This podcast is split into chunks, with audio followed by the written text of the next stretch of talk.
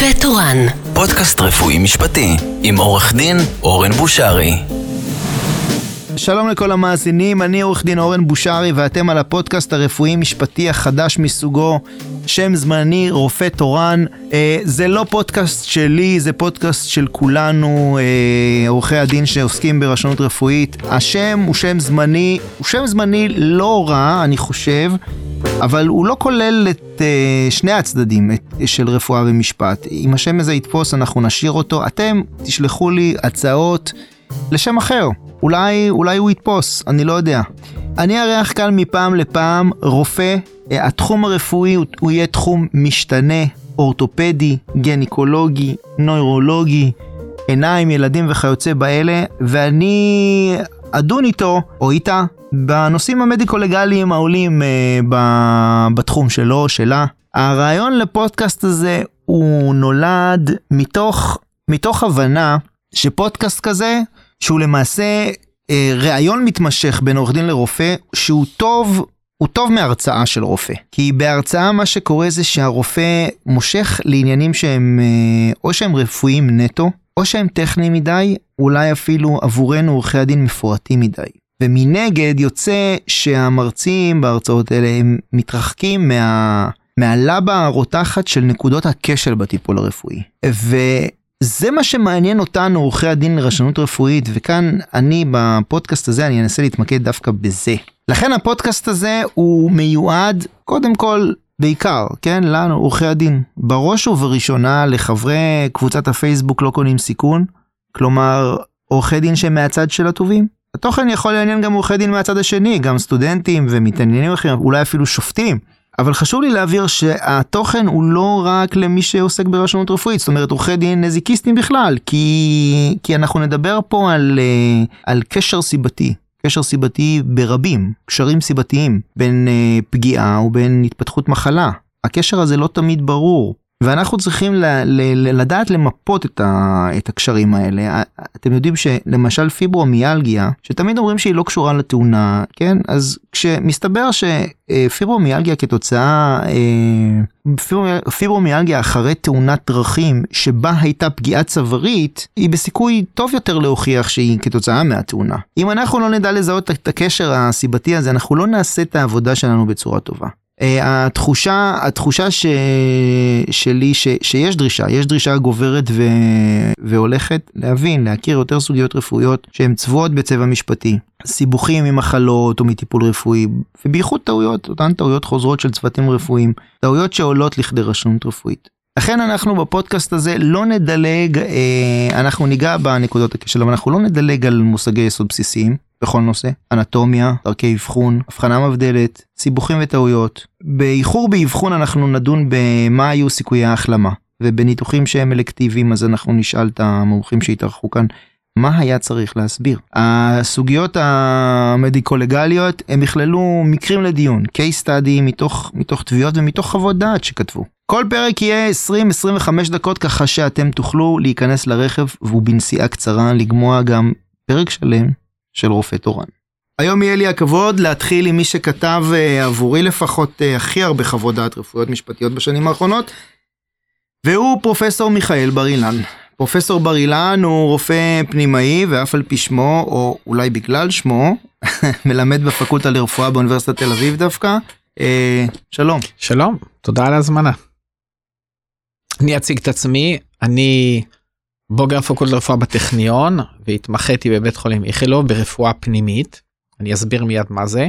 בהמשך פיתחתי קריירה אקדמית בתחום של אתיקה רפואית והמשרה הקבועה שלי היא בבית ספר לרפואה שם אני מלמד אתיקה רפואית אבל הרבה שנים כותב גם חוות דעת משפטיות בתחומים שונים ולצדדים שונים. פרופסור בר מה זה פנימאי? עכשיו פעם כשאמרו רופא מומחה אז התכוונו ככה גם זה במקורות היהודים שיש לו הצלחות אחת אחרי השנייה לא כולם. התפיסה של מומחיות שרופא הוא במיוחד סמכות בתחום מסוים של הרפואה היא התפתחה מאוחר יותר כי עד אמצע המאה ה-19 היו מנתחים והיו רופאים.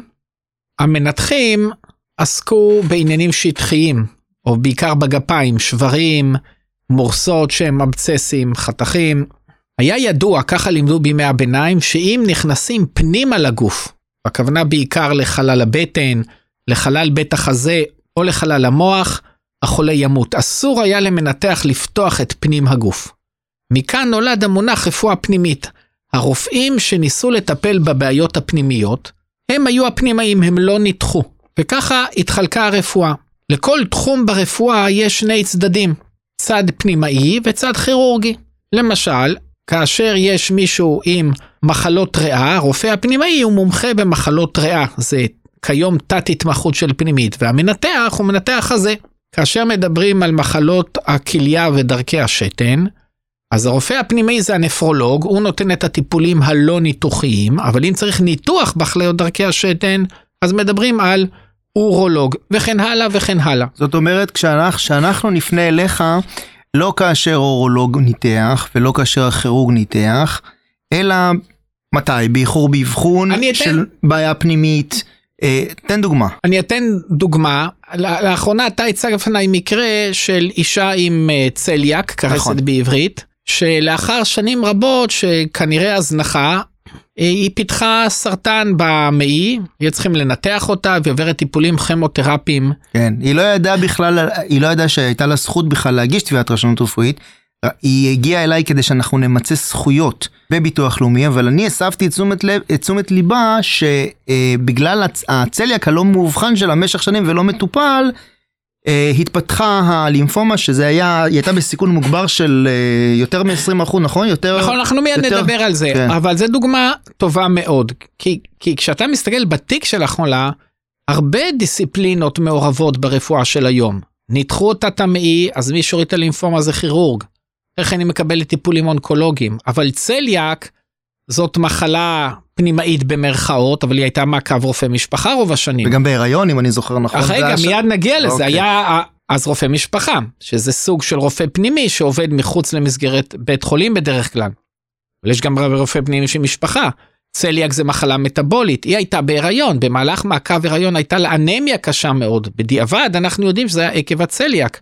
וזה כבר אחריות של רופא מעקב הריון, כי אישה שהיא... תסביר לה- תסביר למאזינים רק, שסובלת אנמיה, מאנ- מאנמיה אנמיה זה רק חוסר ברזל או שזה עוד... במקרה הזה זה חוסר ברזל, זה אחד הסיבוכים השכיחים של צליאק, זה היה מחייב בירור של צליאק, וזה צליאק שלא מטופל, זה סיכון לעובר, אני עוד לא יודע, מקרה בגולמי, מהמם. וזה טוב שנדבר עליו כי לא התפתח, האם יש נזק ל- לילדים שנולדו לה, אף אחד לא עולה את זה על הדעת. אז מכל המומחים האלה, למי פונים?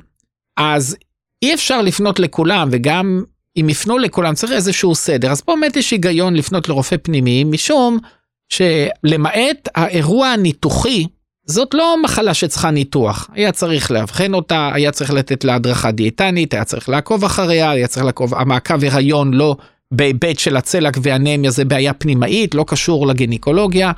ופנימאי זה מישהו שיש לו ניסיון רחב שעושה אינטגרציה. וכיום הרפואה מחולקת לתת ותת ותת התמחויות, יש הרבה חפיפות ביניהם. ויכולים להיות עוד מומחים רלוונטיים. אבל אונקולוג למשל, הוא ידבר על ההיבטים של הלימפומה ויכול להיות שיצטרכו אותו בהמשך. אבל אונקולוג לא עוסק בצליאק לפני הלימפומה בכלל. מצד שני, פנימאי, אין לו את הידע הספציפי האונקולוגי, מהי הכימותרפיה הנכונה בזה הרגע, כלומר אם אבל הש... כן יש לו מבט על, כן. כלומר אם השאלה היא במינון של אה, תרופות אה, כימותרפיות אז אה, אז אולי נפנה לאונקולוג אבל אתה דווקא כן, ברור, קודם כל צריך להבין מקרה. הרבה פעמים טוב להתחיל במישהו שיש לו מבט רחב. ורק אחרי שיש מבט רחב טוב, כן, זה מקרה שהתייעצת איתי, אני עוד לא הלכתי וכתבתי חוות דעת לבית משפט, אבל נכון. כדי להבין מקרה, נכון, נזכרנו בו. מקרה שנפרס לאורך שנים, צריך מישהו שיש לו ניסיון בהבנה רחבה, באינטגרציה, במעקב לאורך שנים. לא, אני חושב- פה, פה אפשר להתחיל, כי אם היה רק אירוע ניתוחי, אירוע צנתורי, ומשהו נקרע, ומשהו התפוצץ, אתה ישר יודע ללכת למישהו שעוסק בתחום הזה. כן אבל כשאתה מביא מקרים צריך להבין קודם את המקרה והוא מורכב, אז טוב מישהו שיש לו מבט רחב. כן אנחנו דיברנו על הדוגמה הזאת כי הדוגמה הזאת אה, ממחישה את החשיבות עליה דיברתי בפתיח של לכל נזיקיש לרכוש השכלה רפואית שהיא כללית. ובפרט של הרשתות האלה של קשר סיבתי בין מחדל או מעשה רשלני לנזק שהתממש. בוא נודה על האמת, המערכת הרפואית לפעמים, אה, יותר מדי פעמים די אה, מסתירה את הקשר הזה. ולכן חשוב שאנחנו, עורכי הדין, נדע אותו, או נדע כמה שיותר אותו. כן, צריך להבין את המקרה. אני אתן עוד דוגמה מחקירה שהייתה לי השבוע. במקרה הזה זו תביעה ביטוחית. מצאו אדם בן 60 שנמצא באתר בנייה של המשפחה שלו, באופן פרטי הוא נכנס לשם. מצאו אותו מת ועלתה השאלה האם קודם הייתה תאונה ומעד, אתר בנייה מועד לתאונות, היה לו סימני חבלה מסוימים על הראש, או היה לו אירוע לב. מי המומחה? אז חברת הביטוח הביאה קרדיולוג, והקרדיולוג אמר שהיה לו אירוע לב. אה, פה הקרדיולוג... ובטח שזה לא יכול להיות משהו אחר, שלא יכולה לא, להיות עזוב תאונה. לחקירה שלו, אבל בוא נחשוב על המומחה. עכשיו, אם ידוע שיש בעיית לב, אם, אם זאת המסקנה, הוא המומחה המתאים. אבל אם מדובר בתאונה, אולי, אם היו מביאים נוירוכירורג אולי, אולי נחבל בראש, כל מומחה רואה דרך הזווית שלו. לכן, במקרה הזה אני נתתי חוות דעת למשפחה, אני כרופא שעובד הרבה, בעיקר בשנים האחרונות במיון, ורואה אנשים שמובאים טריים, פצועים, או לאחר אה, דום לב, אירועים שכאלה, אז אמרתי, אבל פה דווקא היה יתרון, לדעתי, למבט הרחב יותר. כי ברגע שאתה לוקח מישהו שעוסק בטראומה, אז הוא יראה פה טראומה. אתה לוקח קרדיולוג, הוא יראה פה בעיה לבבית. בעוד שהשאלה של הפרק הוא להבין באופן עקרוני מה קרה פה. אתה יודע, קורה שאנחנו אה, שולחים אה, תיק למומחה והוא משיב לנו אה, שהוא מתקשה לכתוב חוות דעת. ואז uh, התפקיד שלנו, עורכי הדין, זה להגיד לו, חכה רגע, תן לנו לעזור לך הרופא, תגיד לנו למה אתה מתקשה, האם כי חסר לך איזשהו נתון, ואז הוא אומר, כן, חסר לי איזשהו נתון, ואז התפקיד שלנו הוא להגיד לו, תשמע, אם חסר לך נתון, תכתוב שהנתון הזה היה חסר בכדי להשלים את התמונה. ואנחנו כבר נדע איך לבקש באמצעות זה מבית המשפט להפוך את הנטל. אתה נתקל במקרים כאלה? כן, ההכנה טובה של תיקים שכאלה דורשת שני שלבים, והרבה עורכי דין שעוסקים בתחום לא מבינים את זה. קודם כל, המומחה הרפואי קודם כל אמור לייעץ לחולה ולעורך הדין. ובאמת, אתה, גם אתה וגם אחרים מביאים לי תיקים ושואלים אותי, ואני אומר צריך את המומחה הזה, אני עושה איזה אינטגרציה לפעמים.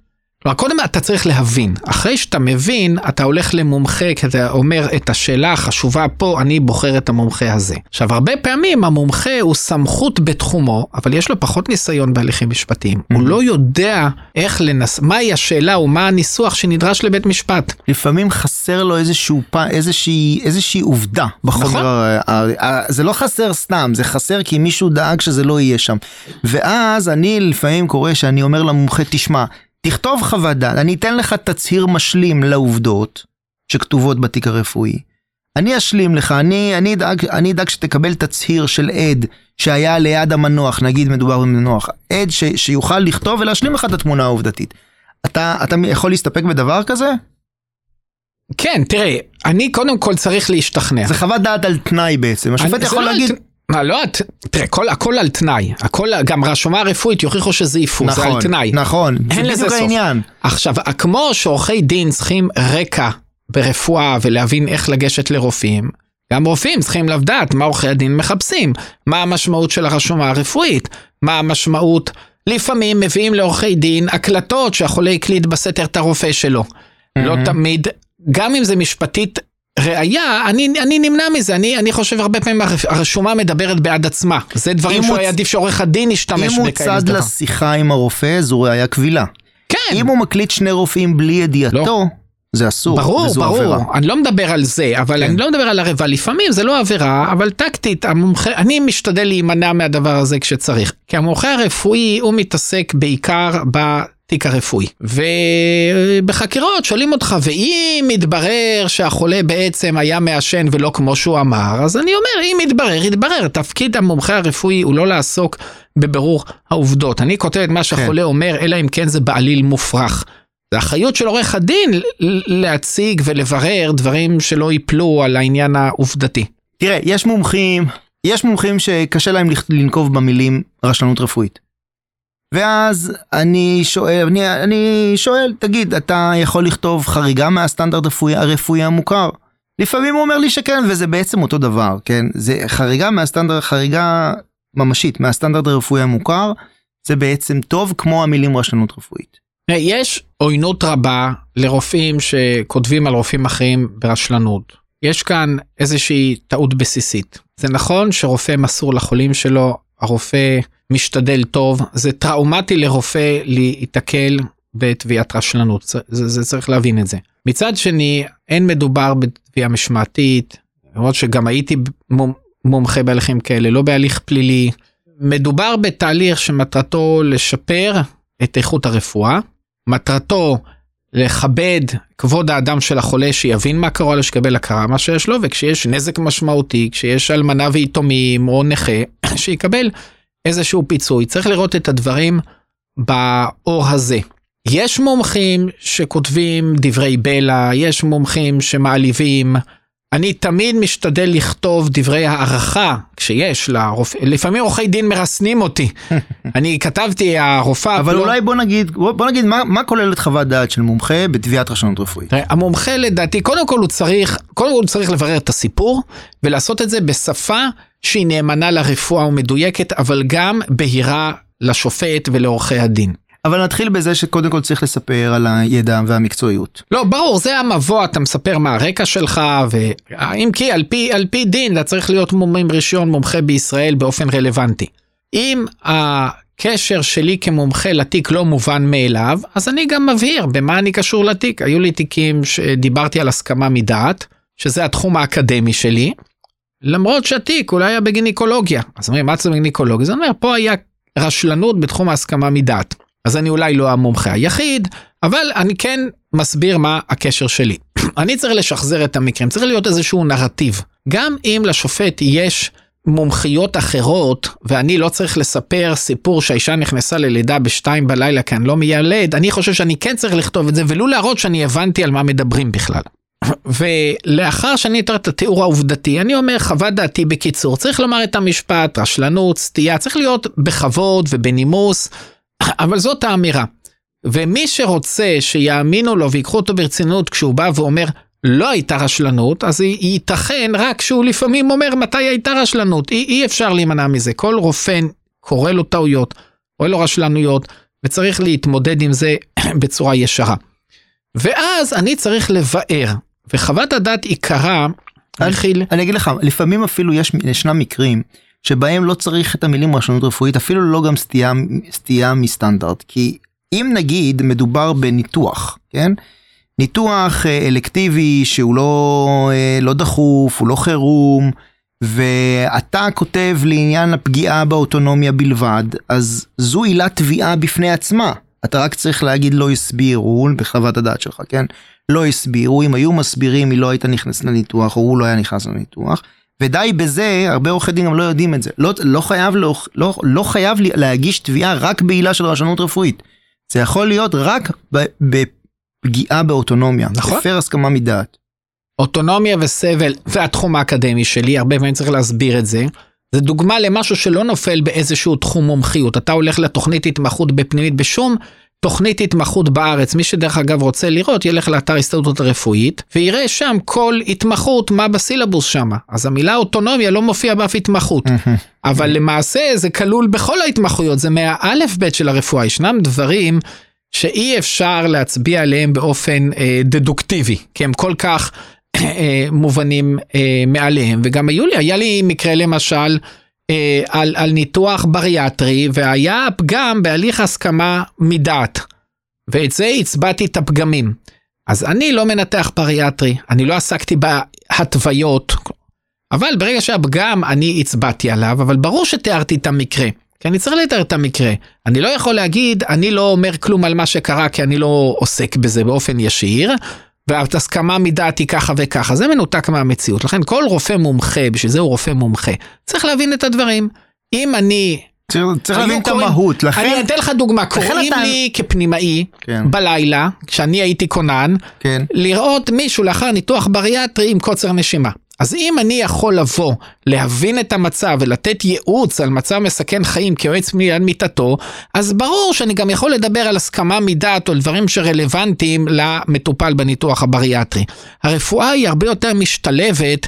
ממה שלפעמים מנסים להציג את זה, כאילו שמח, כל מומחה בפינה אחרת יושב. אני שמח שאתה אומר את זה, כי בכל תיק כמעט אנחנו שומעים, לא, המומחה הזה הוא לא מספיק טוב, הרי לבתי החולים יש את היכולת, גם הכספית, להביא מנהלי מחלקות שהם אה, מכהנים, ושהם אה, תחת שליטה שלהם, וש, ושיש להם מבחר גדול יותר. ואנחנו אה, קצת מתקשים בעניין הזה. ולפעמים אה, אנחנו פונים למישהו שהוא לא הכי מתאים, כי פשוט אין לנו מבחר. אה, נכון, אני, אני, סדר הדין האזרחי אומר, כופה על תובע להביא כבר בהתחלה חוות דעת מומחה. אין מה לעשות עם זה, בלי זה אין תיק. ואני מייעץ הרבה פעמים לעורכי דין, אחרי, כתבתי כבר 400 חוות דעת, אם כי חלקם לא ברשלנות, ואומר להם, תתחילו עם מומחה אחד, לא בהכרח צריך חמישה מומחים, אתם צריכים להקים את עילת התביעה שלכם. מישהו שמבין, מישהו שיודע, מישהו שמחובר לעיקר הדברים.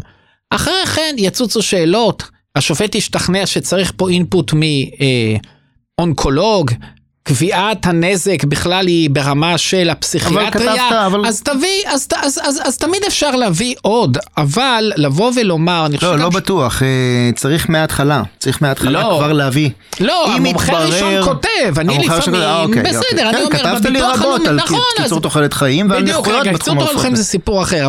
עד כאן אה, הפרק הראשון של רופא תורן. ניסינו לדבר היום על uh, מה, מהי מומחיות, מהי מומחיות ברפואה פנימית. Uh, בפרק הבא נדון ברשלנות באבחון סרטן. Uh, שזה יהיה פרק גם בנוכחות uh, פרופסור בר אילן, uh, ותודה uh, לכם. פרופסור בר אילן, לסיכום. לעניות דעתי עורך דין שעוסק עם נזקי גוף צריך להיות בקשר עם רופא או שניים עם ניסיון רב, להתייעץ איתם ולמפות את המקרה. בהתאם לזה בוחרים אם יש מקום להקים תביעה, מה האסטרטגיה, ואז גם מי המומחה או המומחים אה, להתחיל איתם לפחות את המקרה, וזה הנושא הכי חשוב פה. לקפוץ מראש להחליט, אני צריך מומחה פינתי, לרוץ עם זה לבית משפט, זה הרבה פעמים אה, טעות. עורך הדין צריך להבין את המקרה וצריך מישהו שבאמת גם אומר לו זה החולשות, אין היתכנות, זה לא סביר, זה כן סביר, ורק ככה ניתן לפתח אסטרטגיה. ליווי הרפואי הוא מאוד מאוד חשוב. מומחה רפואי שמזמינים אצלו, הוא שולח, וזה כל תפקידו, זה מתכון להפסיד את ההליך לדעתי. תודה רבה, ניפגש בפרק הבא. רופא תורן, פודקאסט רפואי משפטי, עם עורך דין אורן בושרי. רוצים לשמוע עוד? מוזמנים להיכנס לקבוצת הפייסבוק שלנו, לא קונים סיכון, או לאתר של עורך דין אורן בושרי, orndin.com. הופק על ידי פיקאסט, co.il, מבשלת פודקאסט ישראלית.